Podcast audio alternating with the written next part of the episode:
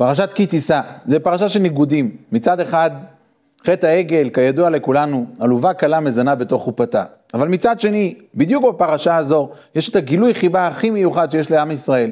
משה רבינו, הנציג של עם ישראל, מקבל את קרני ההוד מאת הקדוש, הקדוש ברוך הוא, כי קרן אור פני משה. לאידך, דבר נוסף קיבלנו כתוצאה מחטא העגל. ויאמר השם סולחתי כדבריך, הפסוק שבגללו נקבע יום הכיפורים להיות יום הכיפורים של עם ישראל, זה דווקא בגלל חטא העגל. אז מה קורה פה? מצד אחד זה חושך הכי גדול של עלובה קלה מזנה בתוך חופתה, ומצד שני גילוי החיבה הכי גדול. והתשובה היא ככה, התשובה היא אצל עם ישראל, ככה זה עובד.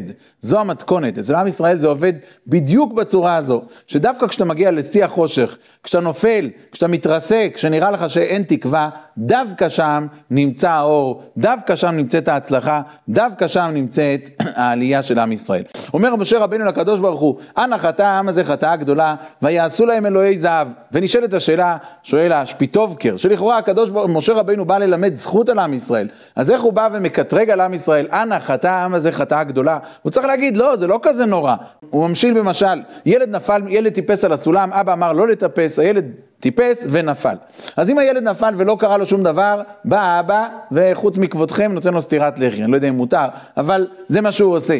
אבל אם הילד פתח את הראש, אז באותו רגע אבא לא מעניש. אבא לוקח אותו, רץ איתו לטרם, רץ לטפל כמה שיותר מהר. אומר השפיטובקר, זה מה שכתוב פה. אנא חטא העם הזה חטאה גדולה, אומר משה רבנו לקדוש ברוך הוא, ריבונו של עולם, המצב הוא כל כך קשה, שאין עכשיו זמן להעניש. עכשיו זה תכלס, עכשיו צריך לטפל ולרפות, להוציא את, ה, את עם ישראל מתוך המצב, מתוך המצב שנמצאים.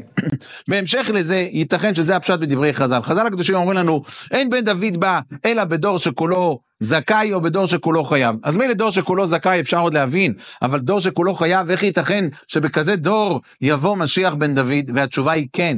כאשר עם ישראל יהיה במצב שנגיד ריבונו של אם אתה לא מציל אותנו, אנחנו הולכים לאיבוד.